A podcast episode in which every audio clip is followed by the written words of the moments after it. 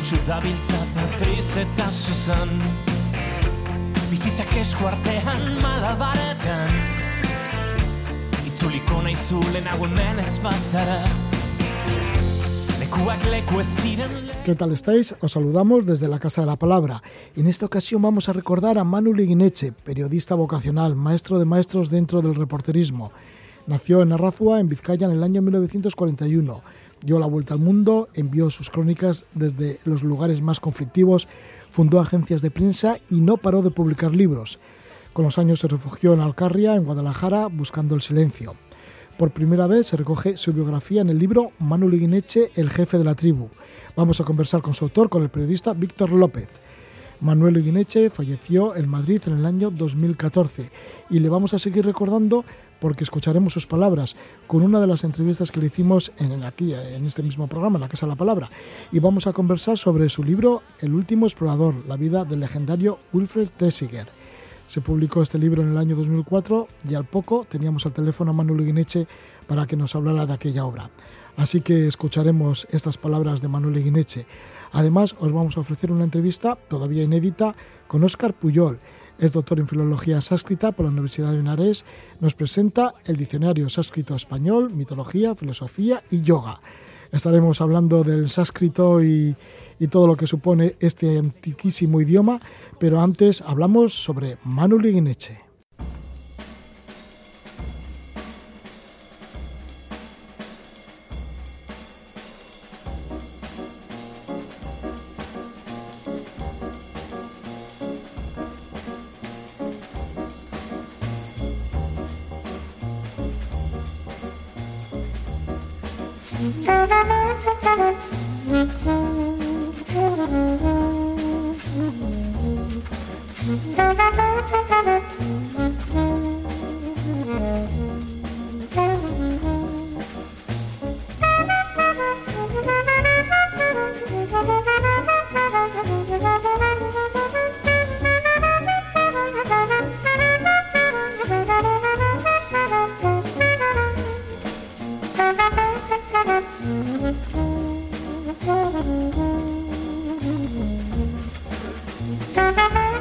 Es el conocido tema de jazz Take Five del pianista de California Dave Brubeck. Dave Brubeck, que se le nombra en la biografía sobre Manu Liguineche. Esta biografía con el título de Manu Liguineche, el jefe de la tribu. Y es que cuando Manu Liguineche llegó allá a Bruselas, debía ser por el año 1960, estuvo en un antro de jazz en el que estaba tocando Dave Brubeck. Vamos a hablar de esta biografía con su autor, con Víctor López. Víctor López que publica la primera biografía del periodista y reportero Manu Liguineche. El título, El jefe de la tribu. Manuel Iguineche nació en Arrazua, Vizcaya, en el año 1941 y falleció en Madrid en el año 2014. Es reconocido como maestro de periodistas, un profesional con gran vocación, honestidad y humildad. Publicó en vida 43, 43 libros, fue testigo de casi todos los acontecimientos internacionales ocurridos durante la segunda mitad del siglo XX, además de manera directa. Fundó y dirigió varias agencias de noticias, trabajó durante años en televisión llevó a dirigir el programa en portada, ideó antes el programa Informe Semanal. El título de la obra, de esta obra, de esta biografía, El jefe de la tribu, hace referencia a un apelativo acuñado por Manuel Igneche para referirse a los reporteros de guerra. De esto trataba su única novela, La tribu, basada en los reporteros trasladados a Guinea Ecuatorial. Estamos con Víctor López, autor de esta obra sobre la vida y obra de Manuel Igneche. Le damos la bienvenida. Muy buenas noches, Víctor. ¿Qué tal, Roger? Buenas noches. Víctor, que naciste en A Coruña en el año 1979, que también eres periodista. Y claro, como periodista, pues todos tenemos una atracción tremenda para que nos ilumine el maestro, ¿no? Manu Leguineche. ¿Cómo, ¿Cómo fue la idea de crear esta primera biografía sobre Manu Leguineche? Pues eh, mira, Roger, yo estaba escribiendo anteriormente un libro que hablaba sobre la crisis del periodismo en televisión y bueno, para ese libro entrevisté a, a muchos periodistas reputados y al final en, las conversaciones eh, todos ellos eh, acababan un poco hablando y me acababan remitiendo al, maestro Leguineche, ¿no? a su vocación eh, periodística, su manera de entender el oficio, su, concepción ética. Entonces, bueno, yo estaba en Madrid y un día pues decidí coger el coche y, presentarme en Brihuega, donde estaba su hermana Rosa, la que conocí, y tuve el, honor de, poder darle un abrazo a, a Manu. Hablamos del año 2013 eh, Manu pues estaba ya muy malito y fue pues 11, 11 meses antes de su fallecimiento, pero bueno, como te digo, pues tuve el honor de, de brindar con un vaso de whisky que, nos dio su hermana por el, por el buen periodismo y, y, por la, y por la vida, ¿no? Y bueno, ese fue el, punto de, de inflexión en, en, puedo decirte que en mi, en mi carrera, porque desde entonces pues... Eh, decidí indagar y ahondar muchísimo más en su obra, en sus entrevistas y le propuse pues ya a la familia y a sus amigos más cercanos pues la posibilidad de hacer el, su biografía, ¿no? Esta intervención tuya allí, el conocimiento, el conocerle directamente a Manuel Igueneche fue en febrero de 2013 en Guadalajara y bueno, y de ahí viene el libro, un libro que has buscado, has indagado en, en, su documentación y también, pues eso, que has estado entrevistando amigos, a familiares, a otros compañeros periodistas. En total, que te han salido más de 70 entrevistas para elaborar esta biografía. Pues sí, han sido, han sido más de 70 entrevistas, un año y medio apasionante de trabajo y, pues eh, súper enriquecedor, ¿no? Eh, ya te digo, conocer un poco eh, las, tanto las anécdotas como prof, profundizar en, la obra de Leguinech a través de sus, de sus compañeros de profesión y de, y de sus amigos, pues ha sido, ha sido realmente enriquecedor. Ahora, de hecho, pues la continuación a la biografía es el documental que estoy a punto de terminar, eh, documental de televisión que, que, pues ya te digo, con, todo el, el, gusto del mundo eh, lo, estoy, lo estoy realizando. Así ah, que habrá un documental, qué bien, ¿no? O sea que... Sí, sí, sí, habrá una parte, digamos, audiovisual de lo que es la, la biografía del libro, efectivamente. Sí, porque el libro, vamos, es apasionante. Bueno, la vida de Manuel Igueneche de verdad que es apasionante, sobre todo pues en, con esa vocación que tenía, ¿no? Como, como periodista y cómo conoció tantas cosas, ¿no? Que estaban sucediendo. Bueno, el primer capítulo lleva el título de La patria es la infancia. Y entonces hablas de la infancia de Manuel Igueneche, que nace el 28 de septiembre de 1941. Sí. Sus primeros años pues corrían al, al borde de la Segunda Guerra Mundial y a la sombra de la Guerra Civil. Y él tenía una frase que decía que la Segunda Guerra Mundial empezó en mi pueblo. Es justo, él, él, nace a caballo de la, del, bueno, en el final de la, entre la, el final de la Guerra Civil y el principio de la Segunda Guerra Mundial y siempre repetía, ¿no? Esa frase que, que, que bueno, que era del poeta Rilke, ¿no? Que la patria es la infancia y bueno, él se sintió un, un vasco eh, aférrimo, fue un vasco universal, un, aldeano de Belendiz, como él se definía, y, llevó esa, esa práctica de, del periodismo, que era realmente su ideología, pues allá donde, donde estuvo, ¿no? Pero, pero sí, efectivamente la infancia es, eh, es una, un periodo importante en cualquier persona y en la de Manuel Eguineche especialmente, ¿no? Porque, bueno, como decías tú, pues eh, España vivía, eh, atravesaba un momento histórico oscuro y realmente ahí se da un poco el, el inicio del viaje en Manu, ¿no?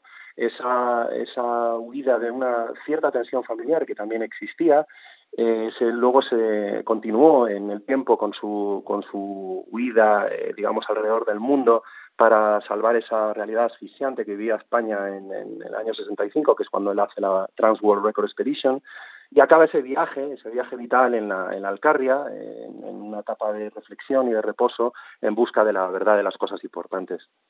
Sí, Manuel Iguineche, pues eso, que sus primeros años fueron vida de caserío, luego en el año 1949 existe la Inguernica, se matricula en un internado de los jesuitas en Portugalete, luego se matricula en Derecho en Deusto, empieza su labor como redactor jefe de la revista Deusto de la universidad, luego pues también colaboraba en el semanario Gran Vía de Luciano Rincón, la Gaceta del Norte, Vida Nueva en Madrid, Luego ya en la Plaza de Toros comentan la anécdota que en la Plaza de Toros de Calahorra consigue un autógrafo de Ernest Hemingway. Hemingway, sí, su gran, su gran ídolo, efectivamente. Sí, sí. Y este le da un consejo, para ser periodista, chaval, tendrás que trabajar Ten, muy a fondo. Tendrás que currártelo, efectivamente, y, y ya lo creo que, que, así lo hizo Manu, ¿no? Eh, siguió los, los consejos de ese, de ese maestro que él, él, tenía como referente, que era, que era Hemingway, y llevó a cabo ese, ese periodismo eh, humanista, ¿no? Basado en, en, en, contar verdades universales a través de la gente anónima, ¿no? Eh, bueno, se puede decir que, Manu fue un, un, periodista vocacional, como decíamos al principio, un periodista honesto eh, y, un periodista, y un periodista coherente, ¿no? Eh, luego a él, en, su etapa posterior, eh, sus etapas posteriores eh, profesionales, se le ofrecería dirigir grandes medios de comunicación y siempre lo rehusó por, por salvar esa, esa independencia, ¿no? esa, esa manera de concebir el, periodismo un poco a su manera, eh, con sus tiempos, es un poco lo que hacía, lo que hizo Hemingway, ¿no? Hacerse a sí mismo, contar las cosas a su manera y sin depender de, de nadie. ¿no? Otro de sus maestros fue Miguel Delibes, porque él luego se trasladó a Valladolid a estudiar filosofía y letras y Miguel Delibes por aquel entonces dirigía el norte de Castilla. Y ese encuentro con a Manu le cambió, el encuentro con Miguel Delibes le cambió la vida. Sí, eh, fue en el año 1960, Manu tenía 19 años, venía de Deusto, de, Bilbao, de estudiar Derecho, que no era para nada lo suyo, y eh, fue acompañado de su padre, bueno, había conocido, le había dicho su amigo Bernardo de Arrizabalaga, eh, que conocía a Miguel Delibes, y se presentó en el norte de Castilla con su padre, y es cierto que, que Manuel Eguineche Bertano le preguntó al autor del Camino, a Miguel Delibes, le preguntó qué, futuro le esperaba a su hijo en esto del periodismo. Y Delibes no lo dudó un instante y le respondió que su hijo iba a ser un número uno. Eh, pues no, no, no, se equivocaba Miguel y que fue para Manu un padre profesional y que cuya amistad eh, llegó hasta el final de los, de los días. ¿no? Hay entrevistas verdaderamente emotivas donde, se le escucha hablar a ambos y, la verdad es que sí, que llevó a Miguel eh, consigo hasta, hasta el final. Manuel Gueneche, que hay en 1960, cuando conoció a Miguel Delibes y empezó a escribir en el periódico, pues nació un periodista, este gran periodista. Luego ya las salidas al extranjero, Bruselas, es el tema de, de, de, eh, Brubeck que hemos visto, Type 5. Y luego ya, claro, llegó la Transworld Record Expedition, en la que conoció a periodistas norteamericanos que partieron de Nueva York con la idea de dar la vuelta al mundo. Ellos partieron en febrero del año 1965. Y en Madrid, Manuel Igueneche dijo, yo me tengo que apuntar a este viaje como sea. Y parece ser, porque en el libro cuentas cientos de anécdotas de Manuel Igueneche, parece ser que él les quiso engatusar cantándoles una canción en plan barítono. Efectivamente, eh, los llevó a los americanos a, la cava baja de Madrid y, dijo, yo de alguna manera tengo que, ganarme a esta gente, ¿no? Y, se puso a cantar... Eh, eh, pues efectivamente está Granada, la canción que tanto le gustaba, y, los americanos pues alucinaron con, con Leguineche y le dijo Harold Stephens, que era el líder de la expedición, a Al Padel, que era su, su gran amigo, le dijo, oye, eh, a este nos lo tenemos que llevar. O sea, Manu no sabía ni cambiar una rueda, era hay que decir que era la vuelta al mundo en automóvil. Manu no tenía el carnet de conducir, no sabía cambiar una rueda, pero él decía que, que había leído a Conrad, a Verne y a Stevenson y que cantaba estupendamente, ¿no? O sea, que tenía otras aptitudes y la verdad es que los americanos eh, quedaron encandilados. Manu tenía un don de gentes extraordinario. Eh, él se había ido antes de, un par de años antes de esto, de que hablamos del año 1965, se había ido de camarero a Inglaterra también a, estudiar inglés y a un poco a, pues a ganarse la vida, ¿no? A salir de, la comodidad de su casa y, esa picardía, esa, esa, ese saber enfrentarse a la vida, pues lo demostró eh, durante la Trans World Record Expedition, que para él, eh, y así lo reconoce, supuso un punto de inflexión vital. ¿no? Eh, decía que dar la vuelta al mundo es la mejor manera para conocerse uno a sí mismo. Y él regresó de ese, de ese viaje, pues pues con, con, otra perspectiva, con otra visión de las cosas y justamente pues al poco al poco después de eso pues es cuando funda bueno, cuando toma su primera gran agencia de noticias privada que fue Colpisa. Sí, pues esa expedición, la Transworld Record Expedition, que partió en abril del año 1965 con Manu Ligueneche de Madrid, iba en un Toyota Land Cruiser. Llegó Manu a, Vietnam en el año 1966 y allí, pues bueno, pues se dedicó a ser reportero en la mismísima guerra de Vietnam. Pero en ese viaje pasó de todo, ¿no? Porque llegaron a Kamandú, luego a Calcuta. Sí eh, se pegaron entre ellos más o menos, bueno, porque claro, convivir tanto tiempo en un sitio tan reducido. Claro, hubo vicisitudes, hubo mil anécdotas que están recogidas todas ampliamente en El Camino Más Corto, que es eh, probablemente el libro eh, canónico, el libro de viajes casi por excelencia, ¿no? de la literatura española, uno de los grandes, vamos. Y ahí pues detalla Manu a cantidad de anécdotas atravesando pues eh, países, los países asiáticos, en fin, hasta su llegada a Vietnam, donde pues eh, aparecen pues las anécdotas del mono que se le come el pasaporte, de la mona totoche, pierde el pasaporte, se tiene que hacer con uno nuevo, su llegada a Vietnam, donde, donde la realidad pues, le, le sorprende, ¿no? Y la detalla también extraordinariamente. No sé, hay, hay múltiples anécdotas que, que hacen del Camino Más Corto un libro referente, desde luego. El Camino Más Corto, que se publicó en el año 1978. Bueno, y en ese viaje, pues por ejemplo, le entrevistó a Indira Gandhi, Manuel Igueneche, antes de ser presidenta. Esto fue en Srinagar, en Cachemira. e incluso, pues también a, al Dalai Lama. Sí. Sí, sí, bueno sí, al Sherpa Tenzin, sí, a mm. mucha gente, la verdad es que sí, eh, fue un viaje muy enriquecedor, ya te digo, para él hay múltiples entrevistas y anécdotas que, que bueno, andar ahora en ellas, pero vamos, que es una obra eh, extraordinaria que, por cierto, recomiendo a todo el mundo, a todos los que nos estén escuchando, que la lean. Parece ser que Manuel Iglesias se pasó muy bien con los tibetanos, porque en cierta ocasión me dijo, estando Donosti, me dijo, mira, los asiáticos más divertidos para mí son los tibetanos y los filipinos. sí, sí, sí, sí, Que con los, con los tibetanos se reía mucho, decía. Sí, sí, sí, sí, es cierto eso. Luego también dijo de, los vietnamitas, dijo que, eran muy parecidos y que se llevaban muy bien con los americanos. Eh, fíjate, ¿eh? lo curioso del, comentario también, efectivamente, sí. Bueno, y hay tantas anécdotas que cuentas de Manuel Igueneche. Por ejemplo, una vez fue a Cannes, porque claro, también era crítico de cine y, bueno, desde, desde que estaba en la Universidad de Deusto estaba muy metido en temas de organizar cineclubs y demás. Bueno, que en, en cierta ocasión en Cannes saludó a Paul McCartney. Sí, eso, eso, eso comenta él también, efectivamente. Sí, la música, él, él no era un gran experto en música, pero sí en cine. En cine incluso llegó a dirigir, a, bueno, a, codirigir alguna película como Vizcaya 4 y, en fin, el cine le apasionaba. Fue un gran entendido del cine y cubrió varios festivales. Y sí, en una de esas visitas a Cannes, pues eh, él reconoce que, conoció a, a McCartney, sí. ¿Cómo es que Manu Liguineche, después de haber recorrido el mundo, de haber estado en tantas guerras y además en, bueno, pues en primera línea, de vivir en Madrid, de estar recogiendo tanta información, decide un día irse al campo, a Guadalajara, y bueno, y escribir unos libros más personales algunos, ¿no? Sobre todo los últimos.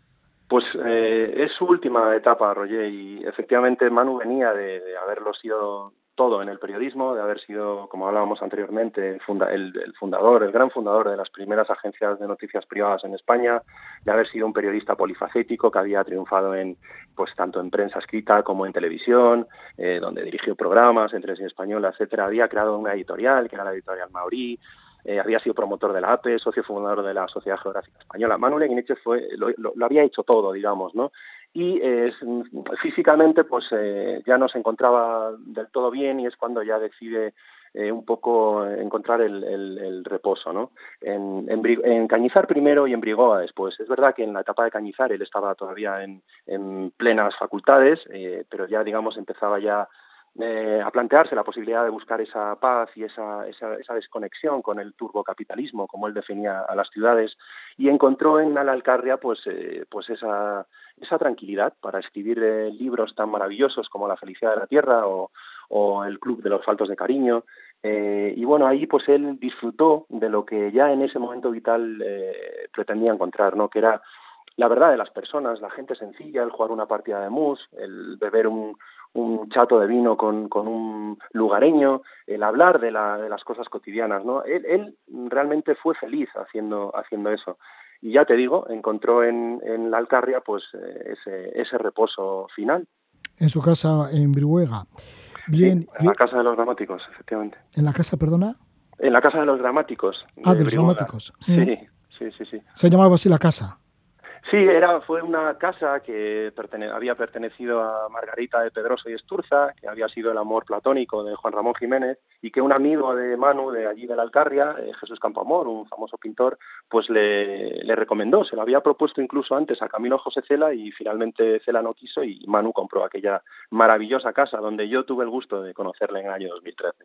Sí, en febrero de 2013. Justo. Y uno de los capítulos lo titulas Vivir en el campo es como estar siempre de vacaciones. de vacaciones. Claro, es un poco lo que hablábamos. Eh, para Manu, eh, Manu nació en la aldea y, nunca, nunca la abandonó. Realmente, pese a que conoció a, grandísimas figuras, incluso llegó a ser amigo del rey, eh, empresarios de, renombre en el periodismo, él realmente con quien era feliz era con la gente sencilla. Él, como te decía al principio de la entrevista, Roger, él se definía como un aldeano de Beléndiz y, pese a que estuvo en todo tipo de, eventos importantes, eh, donde se encontraba realmente él era con la gente, con la gente llana. Por eso eh, nunca desconectó de aquel Belendi, de aquella raza natal, y por eso siempre defendió y siempre amó a sus, a sus vecinos de, la Alcarria.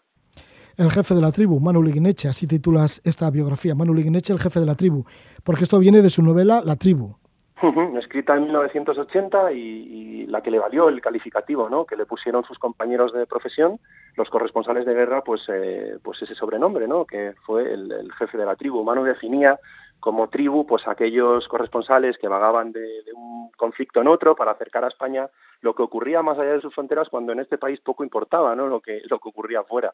Y digamos que en ese sentido aquella tribu pues eh, supuso un, ejemplo periodístico y de la cual Manu pues fue su gran líder eh, ese jefe de la tribu que sirve como título a la, biografía, efectivamente.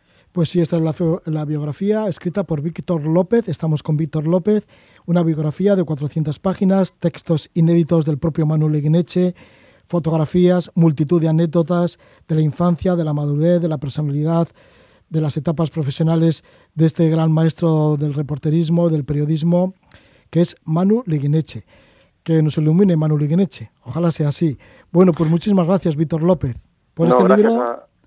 Sí, este libro que vamos a, decirlo, lo edita Ediciones del Viento, para el que quiera acercarse a él o, tenerlo en cualquier librería. Y por cierto, eh, me gustaría apuntar que de una manera muy, muy, con mucho cariño, editado con mucho gusto, con muchísimas fotografías, eh, muchas de ellas eh, encontradas en el Archivo Histórico de Euskadi, a cuyo director, a Borja Guinegal, le estoy muy agradecido, porque han sido pues meses de año y medio, 18 meses de duro trabajo y, en fin, que han acabado con este libro, que espero que a quien decida leerlo pues, pues le guste y pase un rato agradable leyéndolo.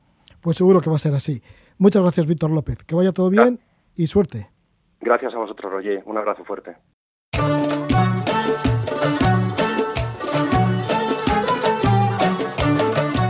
Tras escuchar a Víctor López con su biografía Manuel Iguineche, el jefe de la tribu, ahora estamos con el propio jefe de la tribu.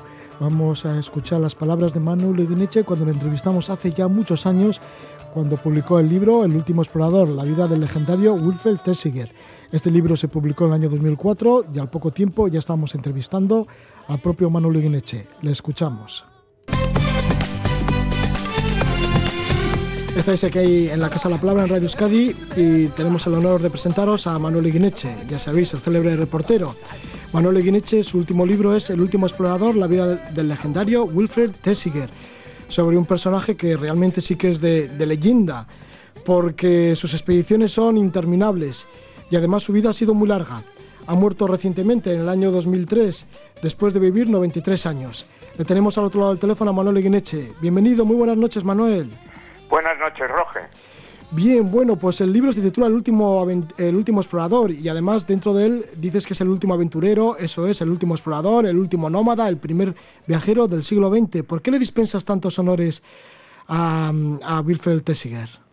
Es muy difícil eh, definir a alguien como el mejor viajero del siglo XX, pero si miramos un poco su currículum y vemos lo que ha hecho, la verdad es que este es un hombre que se merece esos títulos de probablemente, como dice la famosa cerveza, eh, probablemente sea el mejor explorador del siglo XX, el último nómada, pues porque viajó de una manera que ya nadie viaja, porque o parece innecesario, porque todo está descrito y conocido, o porque eh, también da la impresión, pues de que de que no merece la pena eh, pasar tantos sufrimientos.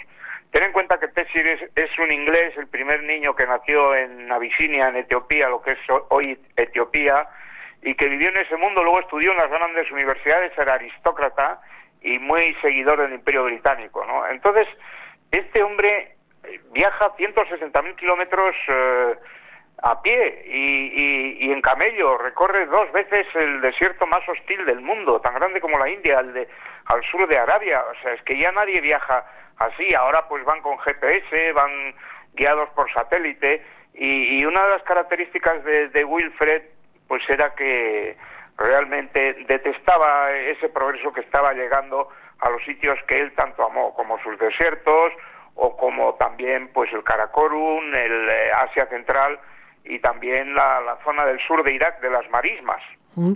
La verdad que la vida de, de Wilfred Tessiger es una biografía que es una novela, pero vamos, increíble, ¿no? Porque como bien dices, nació en 1910 en, Etiopía, bueno, anteriormente a Abisinia.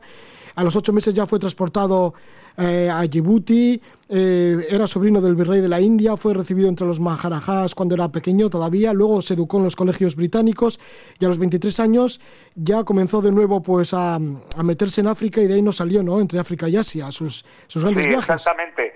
Y él lo que pidió es que terminó prácticamente eh, en, Kenia, ya, ya jubilado, ya retirado, eh, nunca dejó las aventuras, siempre estaba escuchando el rugido de un león, por lejano que fuera, observando el movimiento de las aves, en fin, un gran amante de la, de la naturaleza. Pero ya mm, pues tenía Parkinson, estaba muy viejecito y un poco jodido el hombre, y lo llevaron a Londres prácticamente para, para morir. Yo había quedado con él en que le iba a visitar, pero tonto de mí me creí que era inmortal mm. y pensé que iba a durar toda su, toda, bueno, qué sé yo, otros 30 años o 40 y, y con gran disgusto en agosto del año pasado pues escuché la noticia en la BBC de que había muerto el gran Wilfred Pessiger y con lo cual nuestra cita pues no se pudo cumplir.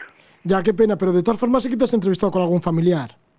Sí, con gente que le conoció y además no es solo un libro, he pretendido que no solo sea una, una biografía que trato, eso sí, de que sea lo más ajustada posible a la realidad.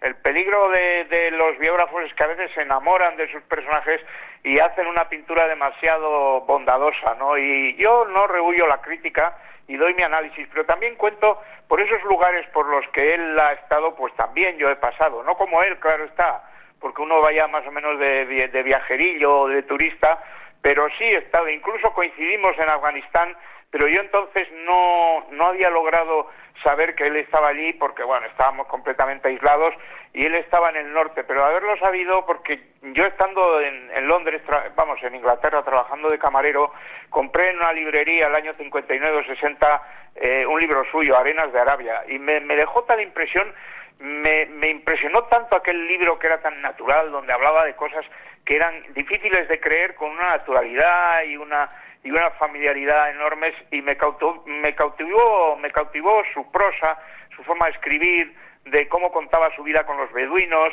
eh, quería vivir como en el Génesis, como ellos. Él nunca pedía nada, quizá el arma de fuego para defenderse de los bandidos o matar algún animal para comer.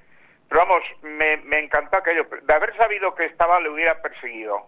Sí, porque fíjate, Wilfred Tessiger, una de las cuestiones era que siempre vivía como, como la gente de los lugares, ¿no? En el caso de los beduinos, pues estaba codo a codo con ellos, aprendía sus mismas tácticas, caminaba con ellos, iba con los camellos. Eh, ¿Qué pasa? ¿Qué, ¿Qué, buscaba Tessiger en tantas aventuras durante tantos años, hasta los 93 años? Mira, Roge, eh, este es el, el, típico, el típico inglés que no puede resignarse a vivir después de haber terminado una carrera en Eton o en Oxford de vivir allí, pues no sé, jugando, matando el zorro, jugando al cricket o aspirando a un escaño en, en, la Cámara de los Lores, ¿no? a lo que tenía derecho como aristócrata que era. O sea, él, él, le aburre Inglaterra profundamente. Y entonces, ¿cómo olvidar aquellas primeras impresiones del niño que estaba guardado por lanceros Sikhs del Imperio Británico y que le llevaban a cazar, su padre le llevaba a cazar el, el digamos que los, los leones, y le, le llevaba a cazar antílopes de toda clase, y todo aquel mundo le persigue y dice, yo no seré ya otra cosa que lo que he sido de niño. Por eso él no puede resignarse a vivir. Bueno, de vez en cuando iba a la civilización, eh, pues para, para también no se piense que era, era estético y sobrio, pero, pero le gustaba comer bien, le gustaba la, la, las buenas, los buenos caldos y todo eso. Odiaba a las mujeres porque se interponían en su camino, era muy misógino, él, decía que la mujer lo de casarse eso era un horror y que él lo que quería era ser aventurero toda su vida y que el sitio de la mujer, fíjate, ya con 93 años y muriéndose en el hospital de Londres, una periodista francesa que la admiraba mucho le preguntó, qué mala suerte he tenido, si hubiera nacido antes usted me hubiera llevado en sus viajes y el viejo pesillero interrumpió con ira y le dijo, señorita, no diga esa tontería, yo jamás hubiera cargado con usted. La, la, el, trabajo de la mujer está en la cocina y cuidando de los niños. Sí, sí, sí, hay un capítulo dedicado al tema de la mujer y Tessiger y las mujeres no formaban parte de su vida. Hmm. Sí. sí, claro, no, es que no, no, y eso que, bueno, su madre sí, claro, con su madre iba al Atlas marroquí a los 80 años que tenía la mujer y la llevaba allí pues para seguir respirando la aventura. Yo creo que fue una mujer que influyó mucho en su vida al, al animarle a que viviera como él podía o quisiera, que no cumpliera una carrera académica o una carrera política o de cualquier otro tipo en ese Londres que también a ella le aburría. De modo que influyó mucho en ella. Su padre murió joven y, esa mujer iba con él, recorrían, ya digo, sobre todo Marruecos, y estuvieron también en, otros lugares, ¿no? Pero viajaron juntos a los 80 años que tenía ya ella. Sí, Tessiger, que tenía esa atracción por la vida dura, les citaba el peligro, la inseguridad de una empresa Y entre otras cosas, bueno, pues eh, ya has comentado que se instaló durante varios años, cinco años, en la Arabia del territorio vacío. ¿Qué es esta Arabia del territorio vacío? Pues este es el, desierto del sur de Arabia, eh, que había sido muy mal explorado, muy por encima por algún viajero británico también, y, la verdad es que eh, en ese sentido a Tessier no le importó llegar segundo, tercero, ¿no? Este caso tercero, pero tenía la atracción, la atracción de lo prohibido. Entonces él tenía tal admiración por los beduinos que, que se sintió feliz a su lado. Y, y luego ese libro de Arenas de Arabia, que es recomendable a todas luces, y que es una que es un libro que te estimula a vivir el instinto de conservación, la curiosidad por el mundo de ayer, la, la búsqueda no de, de, los artefactos del progreso que a él tanto le irritan, esos coches que un día aparecen en el desierto y él casi cree que se muere de disgusto, ¿no? Y de un ataque de apoplejía ver un coche en el desierto, o un avión, o, todo eso, ¿no? De modo que, que él buscaba la compañía y él tenía una, tiene una frase que yo creo que le resume muy bien, resume muy bien su forma de ser y su pensamiento, y dice que la, gente es mejor Mm, allí donde se sufre más, es decir, que, que esa especie de vida dura y, complicada hace al hombre mejor. Esa era su tesis y la verdad es que él nunca dejó de viajar tanto en, el, en este desierto lleno de peligros por todos lados, temperaturas de, de 80 grados a, flor de, de, la arena, ¿no? Pero esa poesía también de, cómo hablaban los, los beduinos, él aprende el árabe enseguida, y entonces cómo comunica con ellos, todas las peripecias que les pasan, que son increíbles, ¿no? Entonces, pues eso tiene un valor, un testimonio que yo creo que lo que pretendí, que era contar cómo viajó este hombre, que fue, para mí sí lo es, el último explorador, aunque luego pues haya otros que hoy mismo intenten, eh, digamos, que seguir sus pasos, pero ya no con aquel descubrimiento y sobre todo con la con aquella reciedumbre y aquella sinceridad y aquel ascetismo con el que viajaban, sin nada que le remitiera a un periodo posterior al, que podrían haber sido el, que siguió hace unos siglos.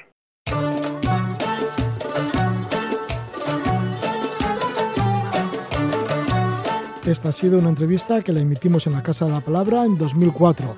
Fue uno de los últimos libros que salió en vida de este gran y querido reportero. El libro El último explorador, la vida del legendario Wilfred Tessiger. Ahora escuchamos a Oscar Puyol, toda una eminencia en la India y en el idioma sánscrito. श्रुतिसूक्तरुचिरमाला शतशास्त्रसूत्रमूला ऋषिवार्यचिन्तनीया सुरभारती सुरम्या श्रीरामकृष्णलीला जनहृदयहरणशीला इह पुष्पिताति दिव्या सुरभारती सुरम्या सुरभारती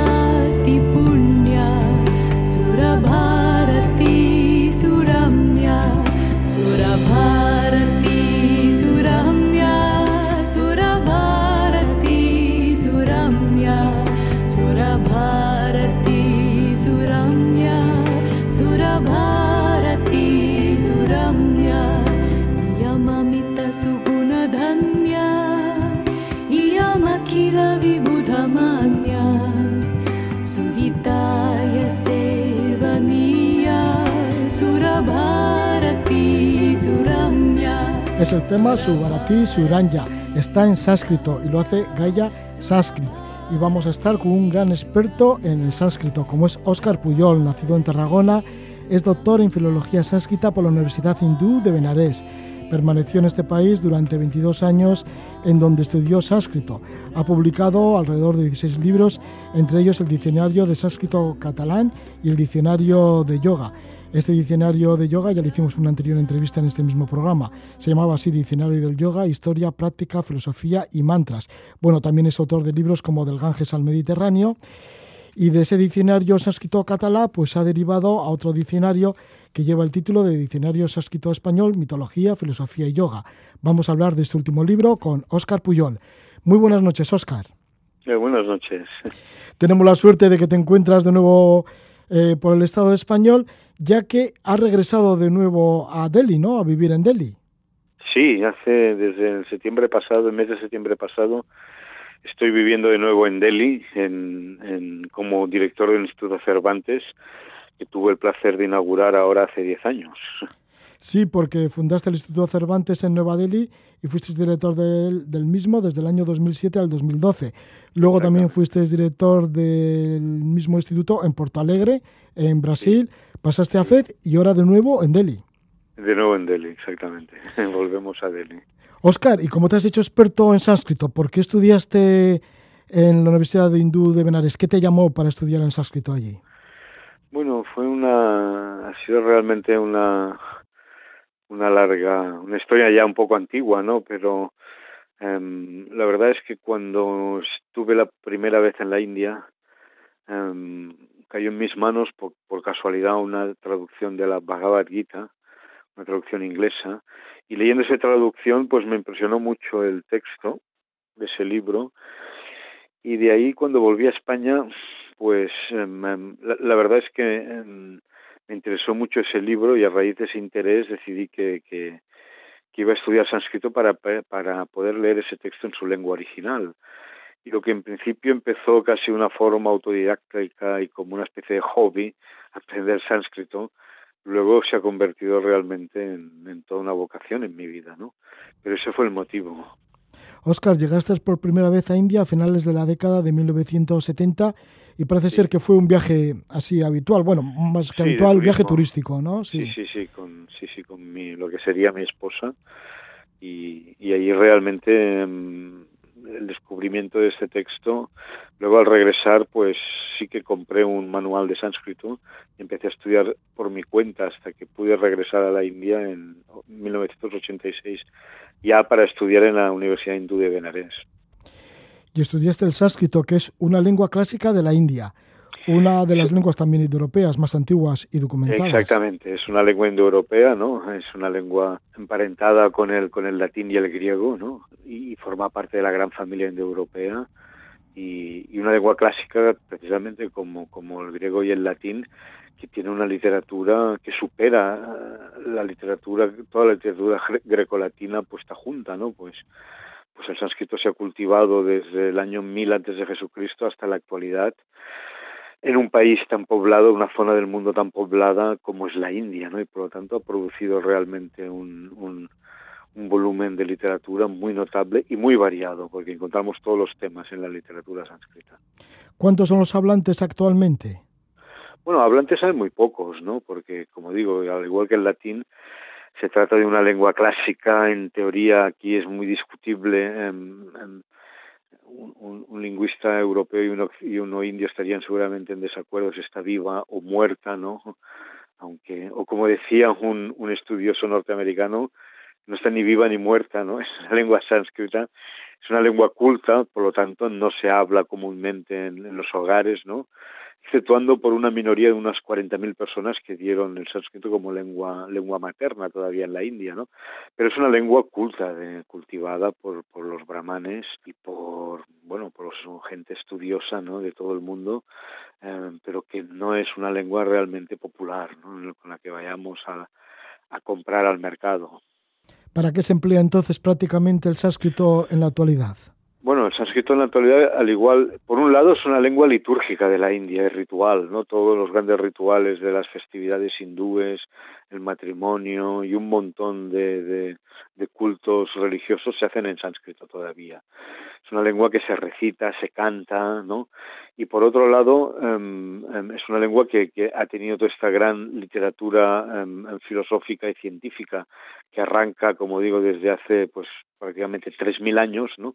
Ha sido la lengua de cultura y de ciencia de la India tradicional y que tiene pues toda esa inmensa literatura que todavía se estudia hoy en día, que va desde el yoga hasta el erotismo, ¿no? desde las matemáticas hasta la lógica o la astronomía, desde la medicina em, encontramos hasta tratados de, gramática o de, o de cualquier o, o de la ciencia de, los juegos también, ¿no? Por ejemplo, el sánscrito es una lengua que ha dado ha dado no solo el yoga, ha dado el ajedrez, ha dado el sistema decimal, y ha dado también una fonética y una lingüística muy sofisticadas al mundo, ¿no? entre otras cosas.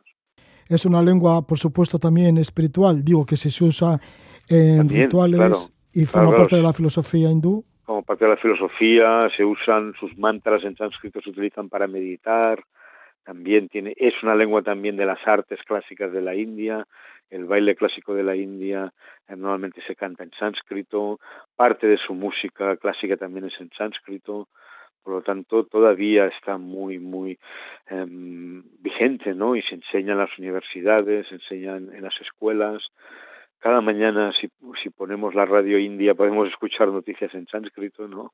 Y, y, y, se hacen todavía congresos y se escriben libros en sánscrito todavía, ¿no? Pero bueno, el gran atractivo de esta lengua evidentemente es su rico patrimonio eh, filosófico, li, literario también, porque tenemos las grandes epopeyas del, del Ramayana, del Mahabharata, y, y, y, todo este gran caudal de literatura, como digo, muy extensa, de alta calidad y muy variada, es el incentivo para aprender sánscrito y estudiar sánscrito, ¿no? Pues queremos saber cuál, cómo los orígenes del yoga, pues necesitamos sánscrito, ¿no? queremos conocer también eh, con profundidad la medicina india, el famoso Ayurveda, pues necesitamos también saber sánscrito para ir en los tratados antiguos, ¿no? etcétera, etcétera. Por lo tanto, es una lengua que a nivel de cultura, para conocer la cultura india antigua y parte de la moderna, es muy, muy, muy importante, ¿no? Y como digo, tiene una literatura realmente increíble. Siempre me gusta decir que, que, aprender una lengua es como descubrir un nuevo continente. Pues quien descubra el continente sánscrito tiene 3.000 años de literatura en los temas más variados que se pueda imaginar, ¿no? desde retórica hasta psicología, en, en, pasando, como digo, por un sinfín de temas. Kama Sutra es un, libro muy conocido, escrito en sánscrito, por ejemplo, también, ¿no? o tratados de políticas, ¿no? etcétera, etcétera es llegar a las raíces, tocar las raíces. Y luego el diccionario sánscrito español que acabas de editar lleva también el subtítulo de mitología, filosofía y yoga. ¿Cuántas voces recoges traducidas? Son más de 64.000, o sea que son el volumen tiene más de 1.500 páginas y se recogen pues más de 64.000 voces con especial referencia, como digo, entre otros, a los temas de mitología, filosofía y yoga. Por ejemplo, alguien que no, que no quiera estudiar sánscrito, que no vaya a estudiar sánscrito, pero quiera tener un, un, una obra de consulta en su casa, que le sirva de referencia, por ejemplo, para encontrar los nombres de los grandes personajes de la mitología india, en el diccionario tiene un, un buen volumen, ¿no? Porque encontramos artículos enciclopédicos sobre, sobre la, la gran mayoría de los personajes de la mitología india, ¿no? Lo mismo en cuanto a términos filosóficos y también es muy especialmente en cuanto a términos del yoga, especialmente el yoga de Patanjali, ¿no? El yoga fundacional de Patanjali, que está a la raíz un poco de todos, de todos los yogas que se practican hoy en día, ¿no? Y que es un poco el fundamento del yoga en la India. Entonces todo esto está, hay, artículos especiales que dedicados a un público más general, ¿no? que quiera tener esta obra de consulta en su casa, sin necesidad de estudiar sánscrito para ello cómo sería a través del sánscrito llegar al yoga y qué es lo que explica el sánscrito del yoga. Bueno, es una buena pregunta, ¿no? En el yoga de Patanjali um, lo que explica ahí es un yoga, es, la base del yoga, pero evidentemente es un yoga diferente al que se practica hoy en día y lo que quiere esa, ese yoga de Patanjali simplemente es um, apagar la mente para que brille la conciencia, es lo que pretende, ¿no? Um, es decir, um, piensa que la mente es material y es un, es un puro instrumento de la conciencia y que a veces la mente, en, contra de lo que es un instrumento que le sirve a la conciencia para percibir el mundo de la dualidad, pero al mismo tiempo es un impedimento para descubrir eh, esa luz que puede brillar de una forma mucho más intensa que es la luz de la conciencia natural que tienen todos los seres, ¿no? Entonces, el yoga busca precisamente separar la mente de la conciencia, una cosa um, seguro que pocos practicantes de yoga piensan que ese era el fundamento del yoga original, pero para eso se establece un yoga, unas posturas, un control de la respiración, y como la mente está atada al cuerpo gracias a la respiración en este sistema, entonces la respiración es muy importante porque cuando se calma la respiración se calma la mente y viceversa, ¿no? Entonces es uno de los métodos que nos ayuda a, este control de la mente. Es por lo otro un objetivo muy común en, en muchas filosofías de la India, ¿no? Esta idea de que en el estado normal nos confundimos con nuestra mente y que nosotros no somos nuestra mente, somos algo que está por encima de la mente y la puede controlar y puede ser el testigo de, del funcionamiento de esta mente, ¿no? Entonces aprender a, a, a, hacer esto es el, es el objetivo del, del yoga de Patanjali y para eso idea todo un sistema psicofísico de ejercicios, de meditaciones, de reflexiones, para llegar a disociar la mente de la conciencia. Oscar, ¿y tú mismo practicas el yoga? Y ya bueno, que sabes, el... escrito también recitas mantras. sí, recito mantras. ¿Ah, sí? Y, y, y, y, es muy común en, en, el sánscrito memorizar fragmentos, ¿no? Como antes se hacía también con la poesía. Entonces, en todos los que hemos aprendido sánscrito en la India tenemos el vicio de memorizar es una cosa que hacemos a veces constantemente, en ciertas horas durante el día, y de tener textos, algunos capítulos enteros de algunos libros, como la Bhagavad Gita, o como, yo, por ejemplo, me he memorizado todo el Yoga Sutra, ¿no? 140 y pico aforismos. Entonces la memorización es muy importante. Aunque parezca, nos parezca una cosa del oro y sin interés, en realidad la capacidad de sentarte olvidarte de todo y concentrar tu mente en un texto es una es una gimnasia mental no todo el mundo lo puede hacer pero como no practicamos pues nos parece muy difícil. En la India la memorización y recitación de textos no que luego puedes recitar y, tienes interiorizados es una parte muy importante del aprendizaje del sánscrito no es el es el swadhyaya es esta, esta de estar siempre recitando aunque sea interiormente y lo que cual ayuda mucho a la concentración mental, ¿no? Permite una mayor concentración y es, es muy común en, entre, en, en, entre la gente que sabe sánscrito saber un número de versos de memoria o como se hacía antes aquí también, ¿no? Pero ahora ahora se ha perdido. Pero insisto, es la, la memorización en Occidente está devaluada, ¿no? Se piensa que es algo mecánico que no tiene ningún efecto sobre la inteligencia ni sobre la capacidad intelectual de una persona y es un gran error, porque la, memoriz la memorización no solo va muy bien para una mayor concentración, como es lógico, para una mayor capacidad de, de, focalizar la atención de la mente, ¿no? Sino que cuando memorizas un texto lo ves desde otra perspectiva, porque lo tienes dentro y lo ves desde ángulos diferentes y desde perspectivas que te da una comprensión muy superior a la de simplemente leer un texto y tomar notas. Oscar, ¿y nos podías recitar algún mantra? Bueno, unas pequeñas frases en, en sánscrito. Sí, hombre, claro. Para saber cómo suena. Bien, muy bien. Muy bien, te recito un fragmento de la Bhagavad Gita, ¿no? Es uno de los textos que también he, he memorizado.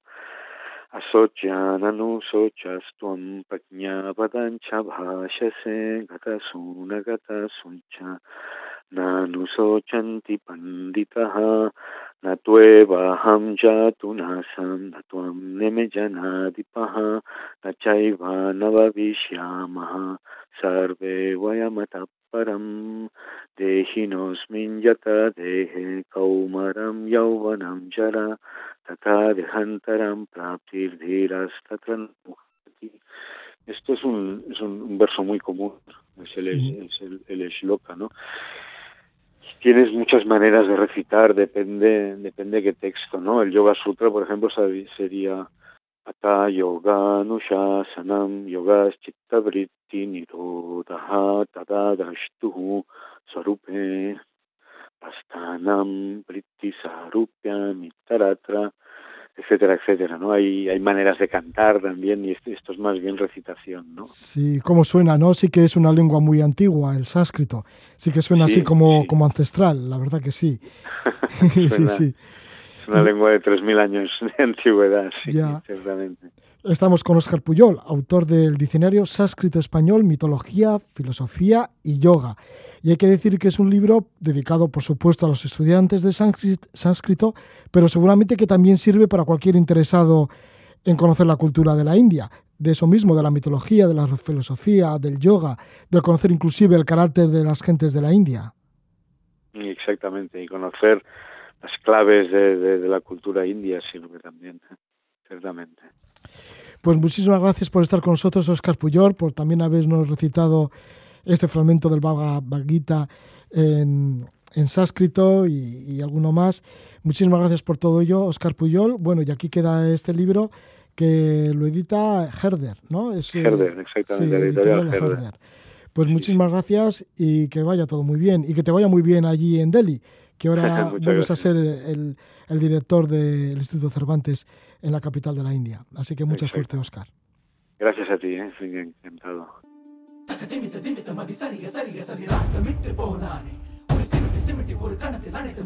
Hemos escuchado a Oscar Puyol sobre el diccionario sánscrito español, mitología, filosofía y yoga.